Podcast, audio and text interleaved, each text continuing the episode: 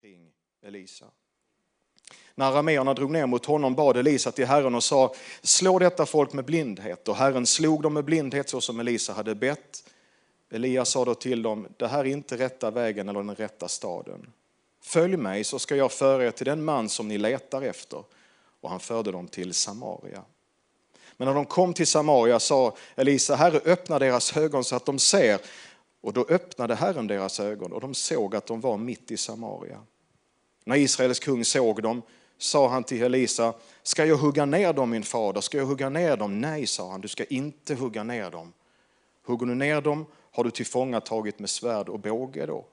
Sätt fram mat istället och vatten åt dem och låt dem äta och dricka och låt dem sedan gå tillbaka till sin herre igen. Öppnade ögon.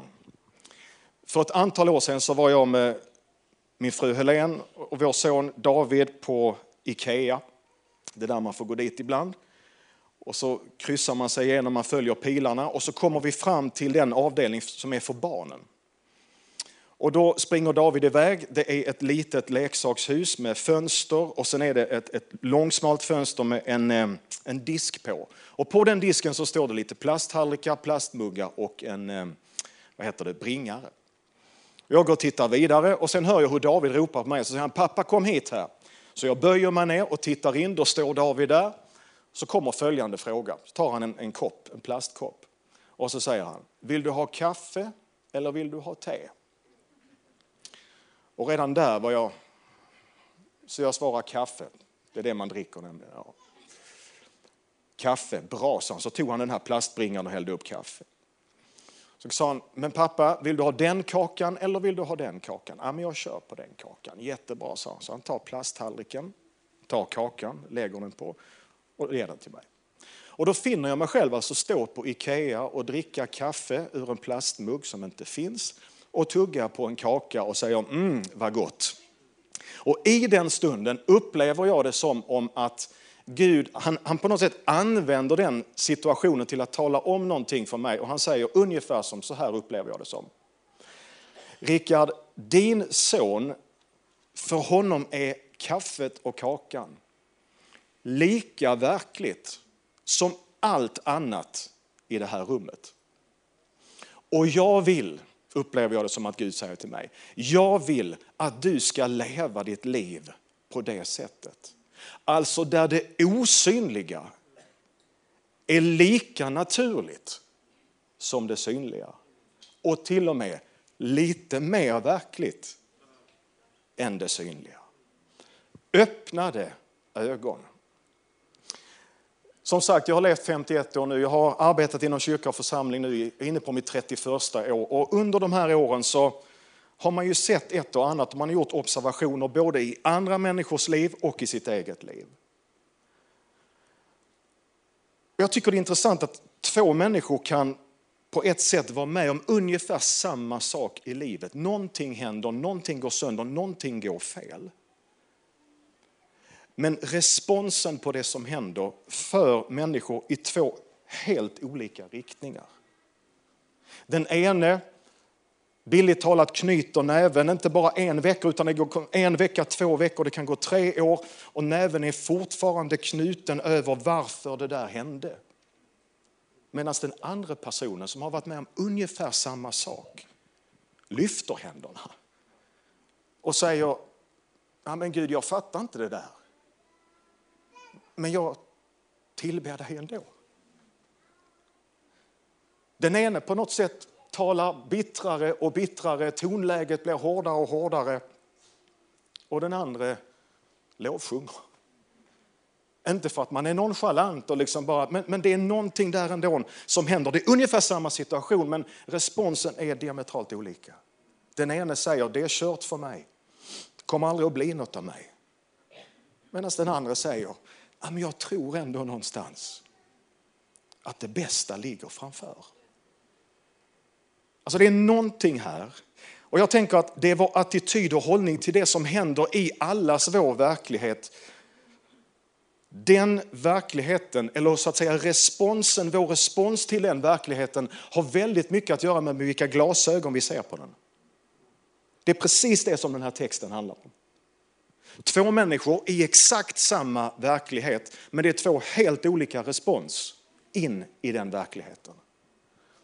Och jag tror att den här förmiddagen till oss som är här och till dig via webben, den helige Ande vill öppna våra ögon så att vi ser det som inte går att se. Brinna för det som är osynligt men som är evigt, som är utan gräns. Att våra liv får präglas av det som är osynligt. I den här texten så är det tre huvudpersoner. Jag väljer att tala om två av dem mest. Det första är tjänaren. Och vi läser här i texten att när tjänaren går ut på morgonen för att hämta VLT så lyfter han upp ögonen och så ser han att han är omringad. En hotbild, en fara, en tuff situation. Och han får oro, han får ångest, han får fruktan i sitt liv och jag ser framför mig som att han springer tillbaka in i huset där profeten är. Och här kommer första nyckelordet nu. Vad är, det, vad är det tjänaren ser för någonting när han lyfter upp sin blick? Han ser fakta. Han ser fakta. Fakta, just nu är ni mitt fakta. Jag kan se på er, jag ska inte ta på er. Men ni är den fysiska verkligheten för mig just nu. Den objektiva fysiska verkligheten, det är fakta. Vi kan känna det, vi kan lukta det, vi kan smaka, vi kan se det. Och det är det som tjänaren upplever när han går ut den här morgonen. Han ser fakta i sitt liv. Aram i den här texten för mig står för alla fakta som vi möter just nu. För alla vi har en verklighet.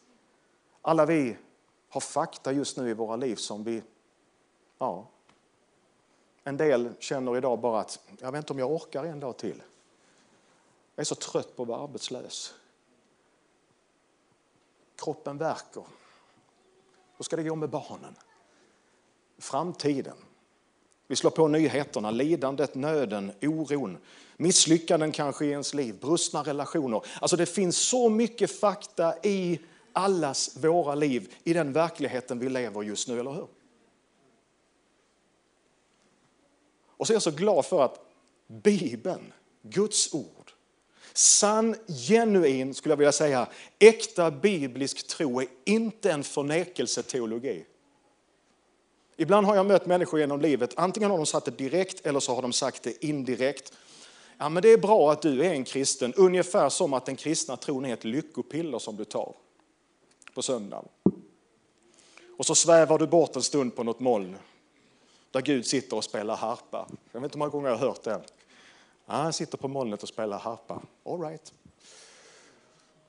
Men det är väl skönt då för dig att du har din tro så att du kan sväva bort lite från verkligheten och sen komma tillbaka in igen. Men Bibeln talar inte om en verklighetsflyktbaserad tro. Bibeln talar inte om förnekelse av fakta, av verkligheten. Tron är inget lyckopiller som vi tar, som du kan ta för att försvinna bort ifrån alla tuffa fakta för en stund. Utan julen är en enda stor proklamation om att Gud blir människa för oss. Han kommer ner på vår jord, han lever vårt liv, han möter våra utmaningar. Gud, Jesus Kristus vet vad det är att vara ensam när han hänger på korset mellan himmel och jord. I det absolut mest avgörande ögonblicket av sitt liv, vad är det han ropar ut då? Min Gud, min Gud, varför har du övergivit mig? Jesus vet vad det är att känna ensamhet. Jesus vet vad det är att känna ångest. Jesus vet vad det är att känna sig övergiven. Missförstådd. Jesus, säger Bibeln, har mött alla fakta, men han kommer in i vår värld med ett budskap om någonting som har triumferat alla våra fakta. Och till det behöver vi öppnade ögon. Johannes 1 och 14 det kommer upp på skärmen och ordet blev kött. Gud blir människa i Kristus Jesus vi ser hans härlighet, den härlighet som den enfödde har av Fadern och han var full av nåd och sanning. Alltså den Gud, Paulus säger, som bor i ett ljus dit ingen kan nalkas. Han kommer till oss och vi kan se på honom, vi kan ta på honom. Det är ju detta som är evangelium. Inte att vi behöver arbeta oss upp till Gud. Det är Gud som kliver ner. Det är Gud som säger, idag vill jag gästa ditt hus. Det är Gud som tar initiativet. Han trycker inte upp dörren eller sparkar in den, men han står, säger Bibeln, och knackar på våra dörrar. Vårt livs dörr. Hebreerbrevet 4.15 säger vi har inte en överste präst som inte kan ha medlidande med våra svagheter. Där kommer det. Jesus vet vad det är att vara människa. Utan en som har varit frestad och prövad på alla sätt som vi. Så mitt, och Bibelns, inte mitt, Bibelns budskap till dig idag det är Jesus vet vad det är att kämpa i livet. Jesus vet vad det är att ha utmaningar. I vår verklighet så kliver himlen in. I vår verklighet fylld av fakta kliver Jesus in. Och så säger han inte, nu tycker jag du ska gaska upp dig lite. Det säger han inte. Han säger inte, nu tycker jag du ska vara lite mer positiv. Det säger inte Jesus. Jag tycker du ska lyfta dig lite i nackhåren. Sätt på ett Colgate-leende nu och bara liksom, var lite hurtfrisk här nu, det är ändå jul. Han säger inte det. Men det han säger det är, jag vill öppna dina ögon så att du ser. Att det finns någonting som inte du har sett än. Men bara för att du inte har sett det eller jag inte har sett det så betyder inte det att inte det finns där. Det har funnits där hela tiden. Men det krävs ett bibliskt ord, uppenbarelse. Alltså att rullgardinen går upp och att man får se någonting som har funnits där hela tiden. Och det är ju det som är skillnaden mellan profeten och tjänaren. När tjänaren springer in så har han sett fakta. Jag ser hur profeten sitter i sin gungstol, sin profetgungstol på morgonen där och dricker viktigt Skånerost. Annars funkar det inte. Och man hör liksom knirret och så slopar han lite på kaffet. Och tjänaren står där och säger, precis som i texten, vad ska vi ta oss till? Det är kört. Profeten bara liksom, gör inte en min, han blir inte nervös. Han blir inte orolig. Han är trygg. Varför då? Vad är det som är skillnaden mellan de här två? Vad är det de har fått tag på? Ja, men om, om tjänaren har sett fakta så har profeten sett sanningen. Det är skillnaden. Samma verklighet, samma utmaning. Men det är två helt olika synsätt på det. Tjänaren ser den fysiska objektiva hotbilden. Profeten vaggar lugnt i det osynliga. Han har sin förankring någon annanstans. Han har sett något annat, han har hört något annat. Och det förändrar hela hans bild, hela hans respons till livet. Vad är sanningen för någonting? Ja, för mig enkelt uttryckt är det sanningen. Det är vad Gud säger om det. Sanningen är vad Gud säger om det. Hans råd, hans tankar, hans vägledning, hans ord. Punkt. Det är sanningen. Inga om, inga men, inga, nej men inte. Hans ord är sanning. Punkt. Psalm 93. Dina vittnesbörd är allt igenom sanna. I Jesus triumferar sanningen över alla fakta. Alla fakta som du och jag lever i just nu, det finns en, hans namn är Jesus och han har triumferat över alla fakta. Det finns ett tomt kors, graven är tom, det är fullbordat, allting är klart. Det här är ingen verklighetsflykt, detta är sanning. Det är ingen liksom lyckopiller vi tar för att känna oss lite happy clappy en stund innan måndagen kommer. Utan det här, det är Guds levande ord, det är evangeliet. Jesus Kristus har triumferat. Det är fullbordat. Uppenbarelseboken 1 och 17-18 kommer upp på skärmen. När jag såg, säger Johannes, när jag såg honom föll jag ner som död för hans fötter, men han la sin högra hand på mig och sa, var inte rädd, jag är den förste och den siste och den levande. Jag var död och se, jag lever i evigheternas evighet och jag har nycklarna till döden och helvetet. Och vad är det som gör skillnaden i tjänarens liv? Det är när han får se det profeten redan har sett. När jag såg honom, när jag såg Jesus, du vet det händer någonting i en människas liv när hon får se Jesus. Inte se en predikant, det, det kommer man inte långt på. Det handlar inte om liturgin, det handlar inte om stilen, det handlar inte om samfundet, det handlar, utan det handlar om en person. Det handlar om Jesus. För många år sedan så hade jag, du vet ibland så vet man inte riktigt vad folk kommer med till, till, till gudstjänster för ambitioner. Och Inga Lill Edholm som idag är hemma hos Herren, hon lät mig veta efter en av mina predikningar som jag hade haft i kyrkan i Hör, så tittade hon på mig och så kom hon efter predikan och så sa hon, ja, sa hon, nu vill jag bara du ska veta att när jag gick hit här idag, då hade jag bestämt mig för att jag ska räkna hur många gånger du säger Jesus i din predikan. Ja, okej, okay. Jesus, då, då börjar man tänka efter. Nämnde jag det namnet? Och så sa hon, jag är mycket nöjd, sa hon. Du nämnde det 27 gånger. Åh, tack Jesus, tänkte jag, då går det en vecka till. Men du vet, det handlar om Jesus. Han är hela poängen. Han är skillnaden som gör skillnaden. När jag såg honom hände någonting med mitt liv. Hans makt, hans kraft, hans liv. Det är någonting med Jesus som berör. Det är någonting med Jesus som kan förvandla, göra nytt, göra skillnad. Kristen tro börjar inte i sinnet, i tanken. Men kristen tro förnekar inte tanken. Men Bibeln säger att kristen tro börjar inte med att du och jag försöker lista ut allt om Jesus, utan det handlar om att våra inre ögon börjar se. Det går från pumpen till knoppen skulle man kunna säga. Det är svårare om det börjar i knoppen och försöker ner i pumpen. För så här skriver Paulus. Jag ber att vår Herre Jesu Kristi Gud och härlighetens far ska ge er, nu kommer det, en vishetens och en uppenbarelsens ande. Så att ni därigenom får en rätt kunskap om honom. Jag ber att era hjärtans ögon ska få ljus så att ni förstår. Där har vi det. Hjärtat ser, hjärnan förstår. Genom tron förstår vi att världen har kommit till genom ett ord från Gud. Jag ber att era hjärtans ögon ska få ljus så att ni förstår vilket hopp han har kallat er till. Hur rikt och härligt hans arv är bland de heliga och hur oerhört stor hans makt är i oss som tror. Det är något att dricka kaffe på efteråt, eller hur? Guds kraft i dig. Det sitter inte i känslan utan det sitter i att han har bestämt sig för att bo i dig. Jag ska aldrig överge dig, säger han. Jag sitter inte i känslan, jag sitter i att mitt ord säger att jag är den jag är.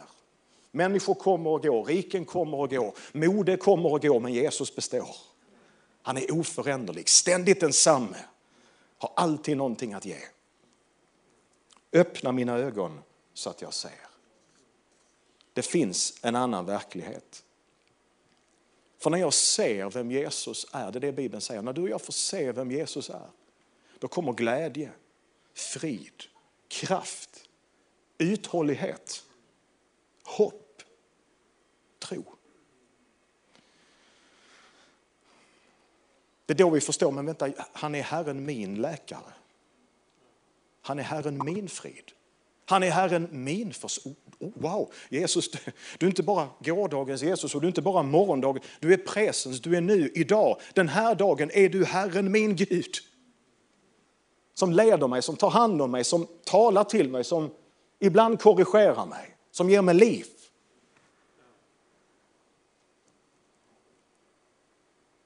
Så frågan är ju, vart ska vi se? Alltså vart ska vi rikta vår blick någonstans? I den här tiden, ja, vart ska man rikta sin blick? Bibeln är tydlig. Det kommer upp på skärmen, Andra Korinthierbrevet 4.18. Paulus skriver, vi riktar inte blicken mot det synliga.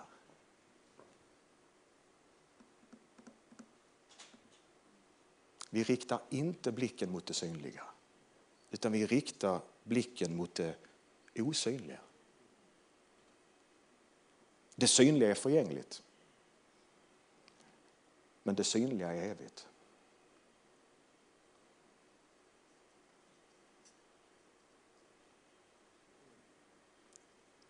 Det står på Pågatåget.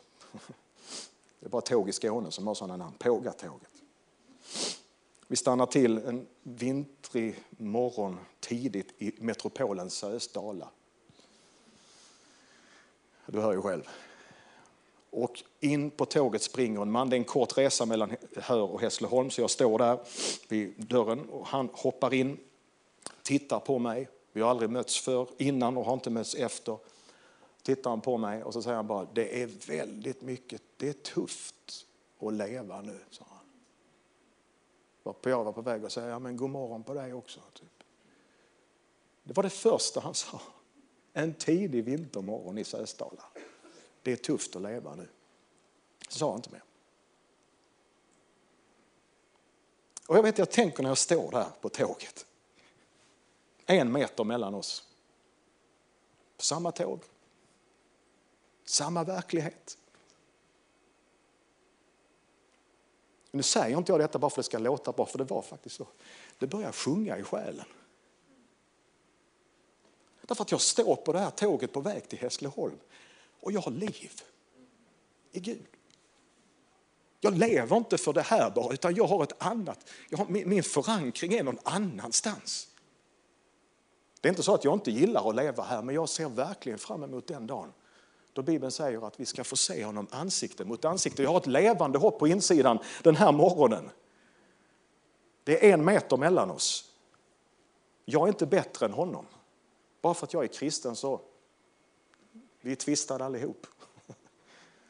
Jag är inte bättre än honom, men det är någonting som skiljer oss åt. På samma tåg, i samma verklighet, på samma jord. Det är någonting som sjunger i själen. Det är någonting som visslar på insidan. Och jag menar att kristna visslar. Du säger inte om en, om en människa som går här i Västerås, liksom, som kommer ner för gågatan, då säger inte du det var en ytterligt deprimerad person. Det säger man ju inte. Och när norrmännen säger det så slutar det ändå alltid positivt. Liksom. Han är så deprimerad. Alltså allting blir positivt hur det blir där. Men, men, men, en människa som visslar, då har du en känsla av att det är någonting som är bra. Och jag menar, han la i min mun en ny sång, står det i Bibeln. Sjunger du? Visslar det på insidan, sjunger det i själen. För det är det det handlar om, när våra ögon öppnas och vi ser vem Jesus är. Och det handlar inte om vem jag är, var jag kommer ifrån, hur bra jag har fått ihop mitt liv, utan det handlar om vad Jesus har gjort för mig och dig. Hans frälsning, hans nåd, hans förlåtelse, hans liv. Det är det som gör att det kan sjunga i själen på tredje advent. För dig som följer med oss via webben. Jag vet inte hur ditt liv ser ut, men Jesus vet. Och det som är detsamma för dig och mig, det är att vi kan få öppnade ögon. Två bibelord till sist. Paulus han skriver i andra Korinthierbrevet 6, vers 8-10. Och här tycker jag man ser de här två, fakta och sanning i samma vers. Han skriver så här, vi kallas villolärare.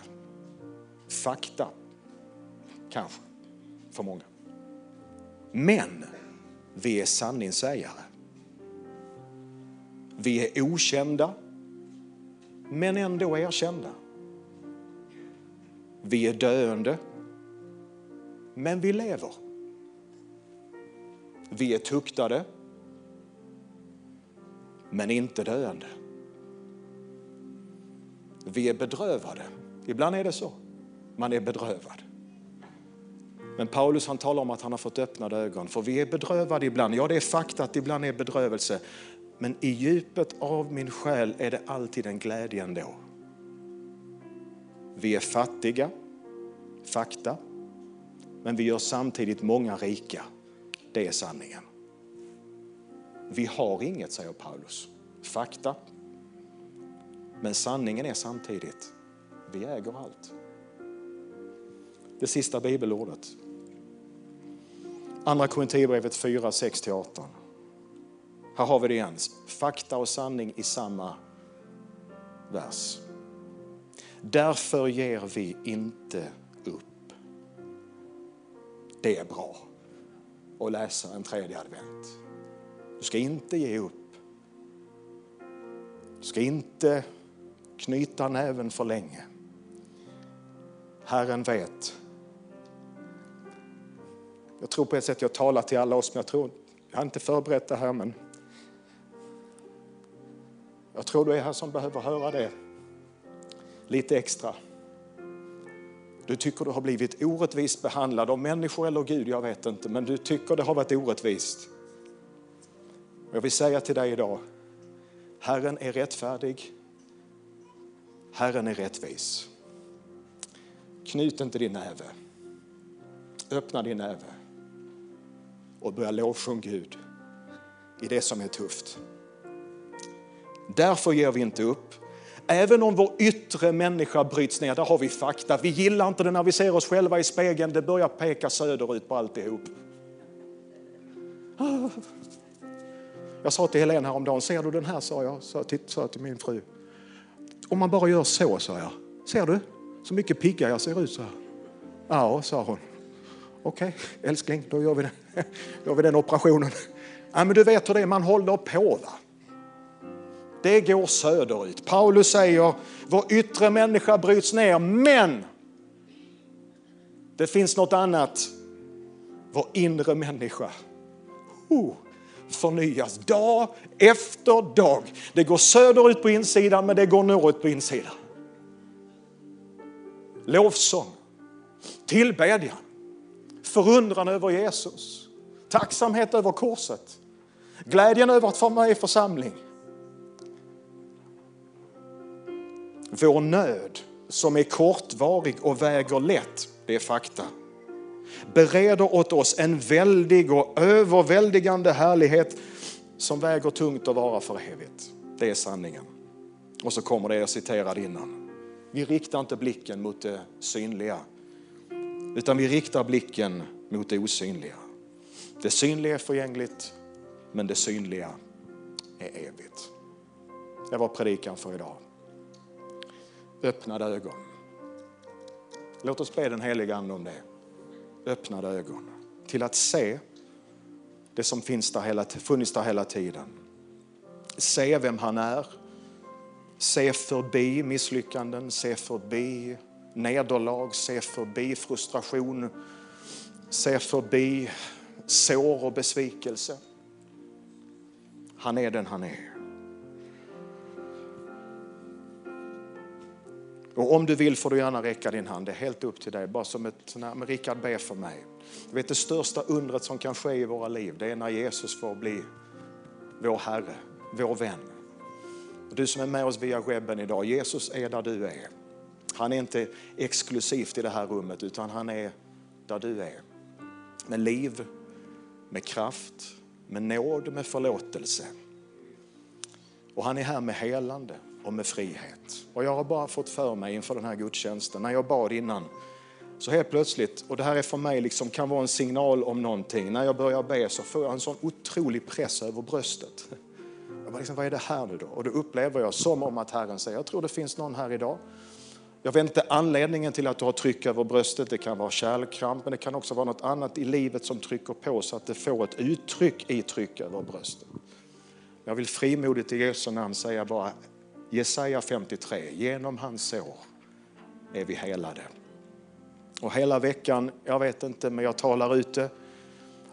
Jag tror det finns någon här som har hälsporre och du har lidit av det under lång tid. Men Herren, hans namn är helande. Hans namn är läkedom. Så om du är så eller om du följer med oss via webben så ta emot det. Och det sista, någon form av idrottsskada. Jag vet inte, det kan ha varit länge sedan men en idrottsskada som du lider av. Herren, hans namn är en utgjuten salva. Amen. Vi ber tillsammans. Herre, vi ger dig lov och pris. Och herre, vi vill bara Ja, men vi vill bara säga ett stort tack Jesus. För korset, för livet, för den tomma graven. Herre, vi tackar dig för att vi får fira gudstjänst den här söndagen tillbe en levande Jesus. Herre, vi tackar dig för att ditt namn ger folken hopp. Herre, vi tackar dig för att ditt namn talar liv och hälsa och kraft och pånyttfödelse in i våra liv. Heligande, öppna våra ögon så att vi ser den du är. Amen.